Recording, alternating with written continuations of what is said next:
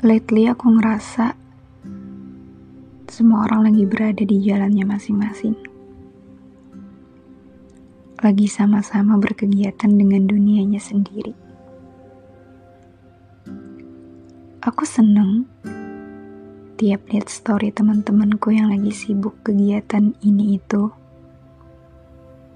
Merasa bangga karena aku juga bagian dari hidup mereka yang terus bertumbuh. Meski banyak kesibukan yang datang dan itu bikin kita jadi kurang waktu untuk ketemu dan kadang berakhir jadi asing. Aku sangat paham bahwa nggak semua orang bisa menemani kita sampai akhir. Konsep semua orang ada masanya, masih aku pegang sampai hari ini. Karena mungkin mereka hadir untuk melengkapi kita pada saat itu. Dan untuk hal lainnya yang menunggu, juga akan ditemukan manusia lainnya untuk membantu. Kadang, aku juga merasa aku bukan apa-apa. Pencapaianku bahkan juga nggak berarti apa-apa dibanding mereka di luar sana. Tapi aku berharap aku nggak lagi-lagi membandingkan diri sendiri dengan orang lain. Karena sebuah pencapaian gak bisa disamaratakan. Mengingat latar belakang, jalan, juga fokus orang beda-beda. Mereka yang sudah memulai jalannya sejak lama, gak bisa disamakan dengan kita yang baru melangkah. It's okay, kita gak akan terlambat untuk sesuatu yang kita mau perjuangkan. Selama apa pun itu selama kita masih punya tenaga untuk memperjuangkan dan mencapainya, lakuin aja. Kadang, aku punya waktu tersendiri untuk sekedar berdiam diri, memperhatikan semua kegiatan teman-temanku di story. Seru, beberapa dari teman mereka juga ada yang aku kenali Aku selalu suka memperhatikan dan bertanya bagaimana orang-orang bisa mengenal satu sama lain. Dan hal paling menarik adalah dunia kadang sesempit itu. Garis takdir selalu membawa kita pada hal-hal yang gak kita duga. Sesederhana, aku kenal dia di hari ini dan di suatu hari, entah kapan dan di mana, aku juga akan bertemu dengan orang dalam hidupnya yang mungkin sebelumnya nggak aku kenal atau nggak aku duga datangnya.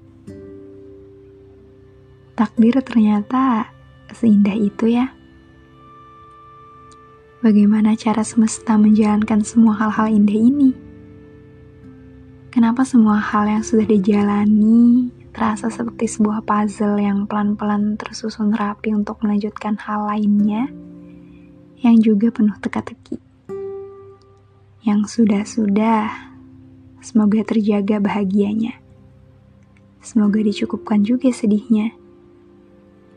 Pada akhirnya, pencapaian-pencapaian orang lain bukan lagi jadi hal yang terus aku ikuti.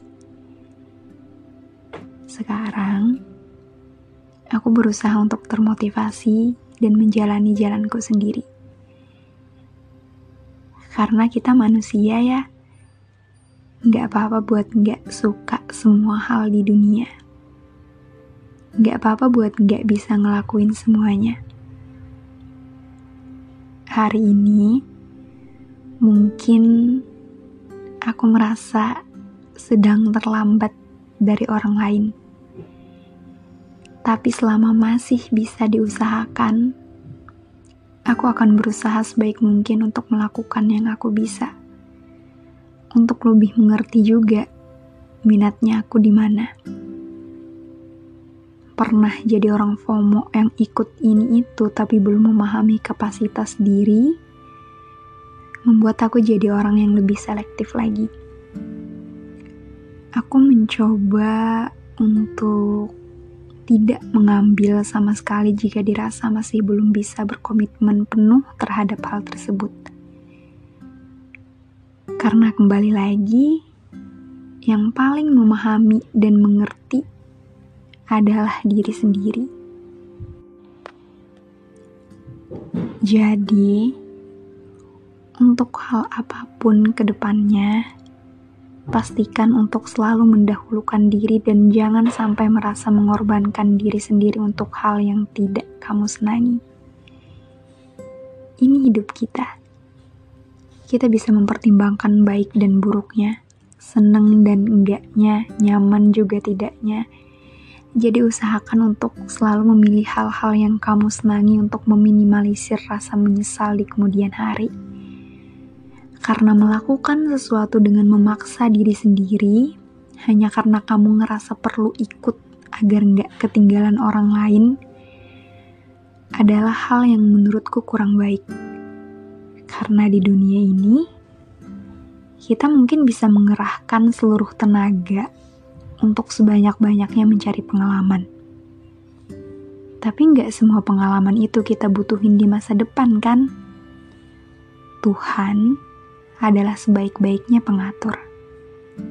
Diikut sertakannya kamu dalam sesuatu bukan karena sebuah kebetulan, melainkan hal tersebut yang akan menjadi bekal kamu untuk berjalan ke depan. Begitupun Sebaliknya,